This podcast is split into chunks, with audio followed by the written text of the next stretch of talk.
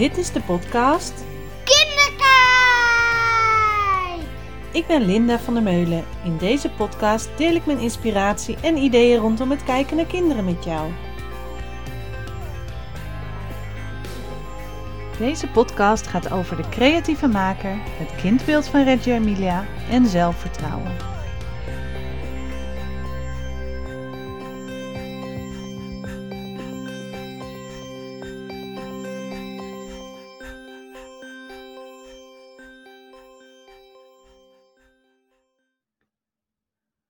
Wat fijn dat je weer luistert. Deze keer gaan we het hebben over creativiteit en zelfvertrouwen. Als ik naar mezelf in dit onderwerp kijk, dacht ik altijd dat ik niet creatief was. Ik heb bijvoorbeeld een vriendin die hele mooie kaarten kan maken met 3D-effecten, echt fantastisch. Ze stuurt ze op, maar verkoopt ze ook wel. Mijn schoonzusje, die vind ik echt heel creatief. Die is handig met een naaimachine en die maakt de leukste jurkjes voor Isa. Ze kan haken, borduren, breien. Allemaal creatieve dingen die ik niet goed kan. Een andere vriendin die kan weer goed tekenen. Als ik nou op school vroeger een tekenopdracht kreeg, bijvoorbeeld teken een olifant, dan was ik nooit tevreden. Ik keek naar mijn tekening en had heel goed in mijn hoofd hoe zo'n olifant eruit zag, hoe ik hem wilde tekenen, maar toch kreeg ik het niet op papier zoals ik het wilde. Op een gegeven moment heb ik een eh, boek gekregen, Zo teken je dieren. En in dat boek werd stap voor stap uitgelegd hoe je iets kan tekenen. De vormen werden aangegeven en dat kon je dan precies natekenen. En door middel van dat boek ben ik tekeningen gaan maken waar ik nou ja, redelijk tevreden over was. En die tekeningen maak ik nog steeds. Makkelijke manieren om dieren te tekenen, om simpele figuren te tekenen. Uh, als ik een keer een tekeningetje moet maken, val ik altijd daarnaar terug. Je hebt mensen die hebben talent voor creatieve dingen maken. En om je daar inzicht in te geven in het talent van de creatieve maker, wil ik je hier eerst wat meer over vertellen. Want wanneer je een creatieve maker bent, dan hou je ervan met je handen bezig te zijn. Je houdt van het gevoel dat je met je handen iets creëert, iets maakt. En je geniet ervan om iets te zien groeien. Daar haal je veel voldoening uit en vooral ook als het af is, dat je trots bent op wat je gemaakt hebt. Voor een creatieve maker is het van belang om een omgeving te zoeken waarin dingen maken een deel van het werk vormt. Dus kijk eens naar je werk als je je hierin herkent. En kijk ook naar de kenmerken van de creatieve maker. Van hé, hey, zit dat eigenlijk in mijn werk? Kan ik in mijn werk ook dingen creëren, maken, met mijn handen bezig zijn? Je kan ook actief op zoek naar mensen die ook graag dingen maken, of naar activiteiten waarin je iets kan creëren. Nou, wanneer weet je nou of dit jouw talent is? Is als het moeiteloos gaat, als je er heel veel voldoening van krijgt, dus er blij van wordt, als de tijd vliegt en als je er nieuwe energie van krijgt, dus zin om nog meer aan te pakken. Nou, toen ik dit talent zag, kwam ik dus tot de conclusie: ik ben geen creatieve maker. Het kost me heel veel energie. Maar toch ben ik creatief, want de afgelopen jaren heb ik ontdekt dat ik op een andere manier creatief ben. Iets maken is niet mijn talent. Dat kost me energie, kost me frustratie. Maar ideeën en oplossingen bedenken, daar hou ik wel van. En daar horen andere talenten bij, waar ik in een latere podcast aandacht aan ga besteden. Want creativiteit komt van creëren. En het gaat over de grote verbinding met iets maken. Iets ontwikkelen, iets ontwerpen, iets bedenken of vormgeven. Wie iets creëert of produceert, die is creatief bezig. En ik geloof heel sterk dat iedereen op zijn eigen manier creatief is. Dus de vraag is eigenlijk niet hoe creatief ben jij? Want ik dacht dat ik echt niet creatief was, totaal niet creatief. Ik ben helemaal niet handig in dingen maken. Maar de vraag is, hoe ben jij creatief? Dus wat is jouw manier van creatief uiten? Als je bijvoorbeeld kijkt naar de creatieve makers, die kunnen iets creëren met hun handen. Bijvoorbeeld schilderen, knutselen, boetseren, handwerken, naaien, iets bouwen. Dus creatieve dingen maken. Nou, als je bijvoorbeeld artistiek bent, dan kun je een muziekstuk componeren. En je hebt ook creatieve denkers. Die maken een ontwerp, een idee, een oplossing of een plan. Dus die kunnen het heel goed bedenken. En die hebben creatieve makers nodig om het te maken. Sta eens even stil bij jezelf. Hoe ben jij creatief? Als je dan kijkt naar kinderen, zegt het kindbeeld van de pedagogiek van Reggio Emilia dat ieder kind rijk, nieuwsgierig, leergierig en creatief is. Uit op communicatie met kinderen onderling, met groepsleiding, met ruimte, materialen. Mensen zijn dus van nature creatief denkende wezens. Nou, als je er dus van uitgaat dat kinderen competent zijn, dus dat ieder kind alles in huis heeft om zichzelf en de wereld te ontdekken, betekent dit niet dat een kind alles al kan, dus dat het creatief is en alles kan maken wat hij wil, maar dat het alles in huis heeft om op zijn eigen manier de wereld te leren kennen. Kinderen zijn van nature nieuwsgierig. Kinderen willen graag leren, ze willen zich ontwikkelen. Ze willen ook uitgedaagd worden om tot leren te komen. Dus als je kijkt naar creativiteit, hebben kinderen een rijk aanbod nodig aan activiteiten en materialen om zichzelf en de wereld te ontdekken. En ieder kind is uniek. Want kijk eens naar jezelf. Wat voor talent heb jij? Hoe ben jij creatief? Ieder kind is dat ook. Ieder kind heeft zijn eigen talenten. En ieder kind of ieder mens is onderdeel van een groter geheel, van de maatschappij. Als reactie op mijn podcast kreeg ik de volgende vraag opgestuurd door Ellen. Hoi Linda, ik heb een dochter van vier en die vindt zichzelf erg slim. Ze spreekt dat ook uit, dat ze zichzelf uh, super slim vindt en dat ze dat goed kan. En deels wil je haar daarin uh, bevestigen en stimuleren, dat ze zelfvertrouwen krijgt. Maar aan de andere kant wil je haar ook temperen dat het soms niet altijd passend is om dit soort dingen uit te spreken. Uh, hoe kan ik het beste daarop reageren? Ellen, dankjewel voor je vraag. Wat mooi om te horen dat je zo bewust bezig bent met wat je je dochter wil meegeven. Het zelfvertrouwen wil niet zeggen dat je overal goed in bent, maar wel dat je je bewust bent van alles wat je kunt en wat niet. Zelfvertrouwen wil ook zeggen dat je accepteert dat je niet alles zelf kunt doen. Als je voldoende zelfvertrouwen hebt, durf je vol zelfvertrouwen de hulp die je nodig hebt te zoeken en erom te vragen je kent jezelf, zowel sterke als minder sterke kanten. En voor zelfvertrouwen is zelfbewustzijn nodig. Weten wat je kunt, waar je grenzen liggen. Als ik zo je vraag hoor, dan hoor ik dat je dochter vier is en nog volop in ontwikkeling. En de meeste jonge kinderen zijn vol zelfvertrouwen. Ze hebben veel fantasie, ze maken de grootste bouwwerken, de mooiste tekeningen, durven hardop te zingen en te dansen, uh, voetballen als een professional. Ze zijn heel trots op zichzelf. En kinderen zijn nog niet bang om fouten te maken en houden onvoorwaardelijk van zichzelf. Vaak is dit totdat er te veel negatieve invloeden van buitenaf op en afkomen. Dat kan komen van ouders, broertjes, zusjes, maar ook van klasgenootjes of juffen of begeleiders, buurtgenootjes. En hier is het ene kind meer vatbaar voor dan de ander. Kinderen die positief over zichzelf denken, zoals je hoor wat je dochter doet, vinden het vaak minder erg om fouten te maken en zijn minder afhankelijk van waardering van anderen. En een goede basis van zelfvertrouwen voor ieder kind is heel belangrijk. Positief denken over je eigen mogelijkheden. Jouw vraag is eigenlijk ook of je dit nou moet temperen. Want als het tegen iedereen zegt: Ik ben slim, ik ben slim, dat doet ook iets met die ander. Nou, je dochter is vier jaar en jonge kinderen denken nog dat de hele wereld om hen draait. Dat maakt het moeilijk voor hun om zich in een ander te verplaatsen. En tot en met vier jaar is het nog heel normaal dat kinderen egocentrisch gedrag laten zien. Kinderen denken tot deze leeftijd vaak nog vanuit hun eigen kader. Ze willen dan graag nog alle aandacht, hebben nog geen empathie ontwikkeld. Dus het verplaatsen in een ander en voelen dat wat jij zegt impact heeft op een ander, dat kunnen ze dan meestal nog niet. Of dat zijn ze nog aan het leren. En ze hebben het wel in zich.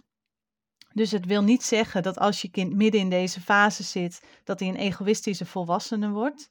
Het is alleen een fase in hun ontwikkeling om ook als jong kind te kunnen overleven. En om dat te kunnen, moet je voor jezelf opkomen. Moet je laten horen wie je bent en wat je nodig hebt. Alle kinderen gaan op hun eigen manier door deze fase heen. En jouw dochter is waarschijnlijk nog volop in ontwikkeling om te ontdekken wie ze zelf is, wie de ander is.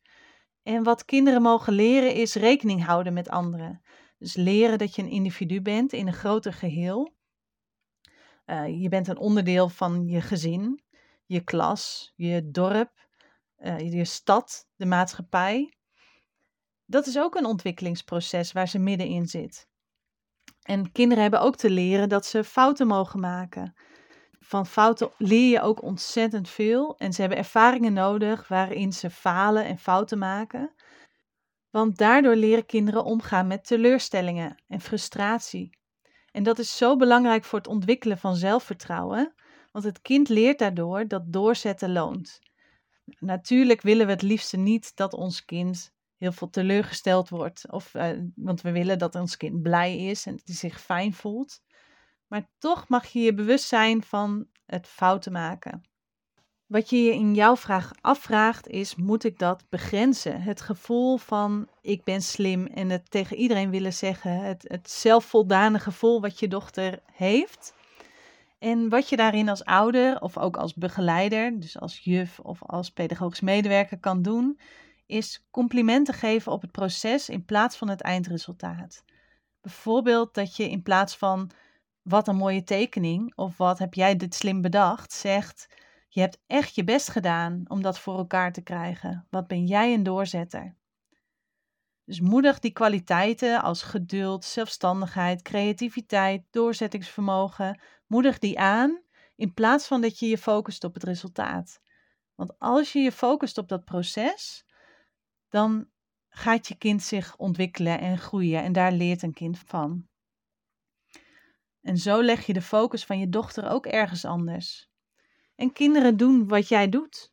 Dus geef zelf daarin het goede voorbeeld, want daar leren ze het allermeeste van. Dus wees je bewust van de kracht van je eigen gedrag en woorden.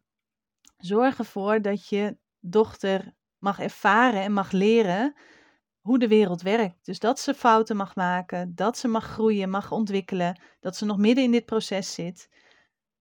Daar mag je haar in uh, ondersteunen en begeleiden. Nou, Ellen, ik hoop dat je hier iets aan hebt. En anders mag je altijd nog een bericht sturen. Dan kunnen we nog een ander stukje uitlichten. En mocht je meer willen lezen over zelfvertrouwen, dan kan ik het boek Opvoeden tot zelfvertrouwen aanraden. Het is een boek van Steven Gillis waarin echt ingegaan wordt in het begeleiden van kinderen tot zelfvertrouwen. Dus zowel laag zelfvertrouwen als heel hoog zelfvertrouwen. Nou, hoor je nu dit verhaal en heb je ook een vraag of iets waar je tegenaan loopt in de opvoeding of begeleiding van kinderen? Laat het dan weten. En wie weet behandel ik jouw vraag of dilemma in een volgende podcast. Als afsluiter voor deze podcast heb ik een activiteit bedacht een activiteit om met je kind of met een groep kinderen mee aan de slag te gaan. En die activiteit gaat ook over creativiteit en over zelfvertrouwen. En het gaat om een activiteit waarbij het eindresultaat niet vast ligt. Wat je heel vaak ziet is dat uh, wij volwassenen een activiteit bedenken en dat het al vast ligt, we gaan een lampion knutselen. Of het is lente en we gaan een schaapje in de wei maken. Wat heel belangrijk is voor kinderen, is dat ze zichzelf leren kennen en dat ze zelf keuzes leren maken. Dus om zelfvertrouwen van kinderen te stimuleren, maar ze ook te laten ervaren hoe materialen werken, laten ervaren hoe ze hun ideeën kunnen omzetten in materiaal bijvoorbeeld, is het belangrijk om een activiteit te doen waarbij het eindresultaat niet vast ligt. Hoe doe je dat nou? Is zorg voor een duidelijk kader. Zoek een goede plek om aan de slag te gaan. Kies daarin een plek die uh, vies mag worden als je materialen gebruikt waarmee kinderen uh, de ruimte vies kunnen maken. Zorg ervoor dat je een zeil op de grond legt bijvoorbeeld of op de tafel waar je aan de slag gaat.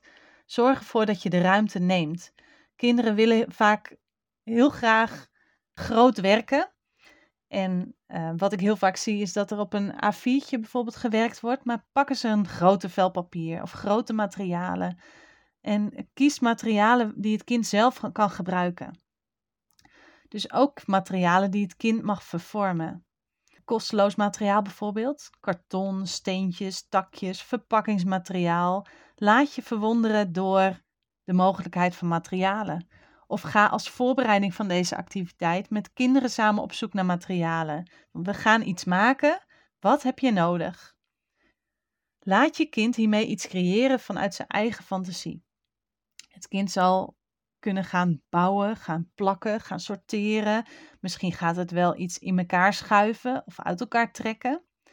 En de opdracht aan jou als begeleider voor deze activiteit is: doe niets. Zorg ervoor dat je het van tevoren goed klaar hebt, dat je de omgeving hebt afgebakend. Bijvoorbeeld als je een tafelzeil ergens neerlegt op de grond of op een tafel, dat je van tevoren de afspraak maakt: we blijven rondom dat tafelzeil. Of dat je de materialen ook bij de hand hebt. Als je denkt dat je kind een schaar mag gebruiken, bijvoorbeeld, dat je die bij de hand hebt liggen. Dat je zelfs dat niet voor je kind hoeft te regelen. Of dat je kind dat zelf erbij kan, dus het zelf kan pakken. Zorg ervoor dat die voorbereiding uh, op orde is. En dan, als de voorbereiding klaar is en tijdens de activiteit, dus als je gestart bent, doe een stap naar achter. Ga zitten van een afstandje en kijk. Doe niets. Kijk eens naar het proces. Kijk eens naar wat het kind doet. En wat zie je? Wat valt je op? En schrijf ook eens op wat je kind of de andere kinderen doen. Of bijvoorbeeld interactie tussen kinderen. Wat zeggen ze? Wat doen ze? En wat denk jij? Wat is jouw interpretatie? Maar doe niets en zeg niets. Gebreek niet in. Laat ze eens hun gang gaan. En kijk eens wat er gebeurt.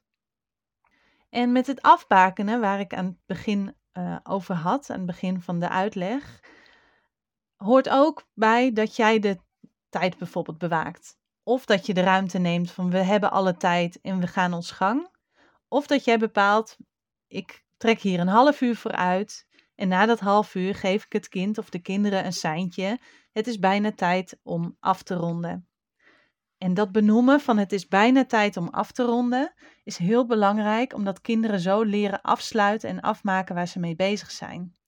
En als je nou merkt dat het kind nog lang niet klaar is, stel dan voor, we ronden het nu af, maak het tot zover klaar dat je het kan bewaren of opbergen en dan kan je een andere keer weer verder.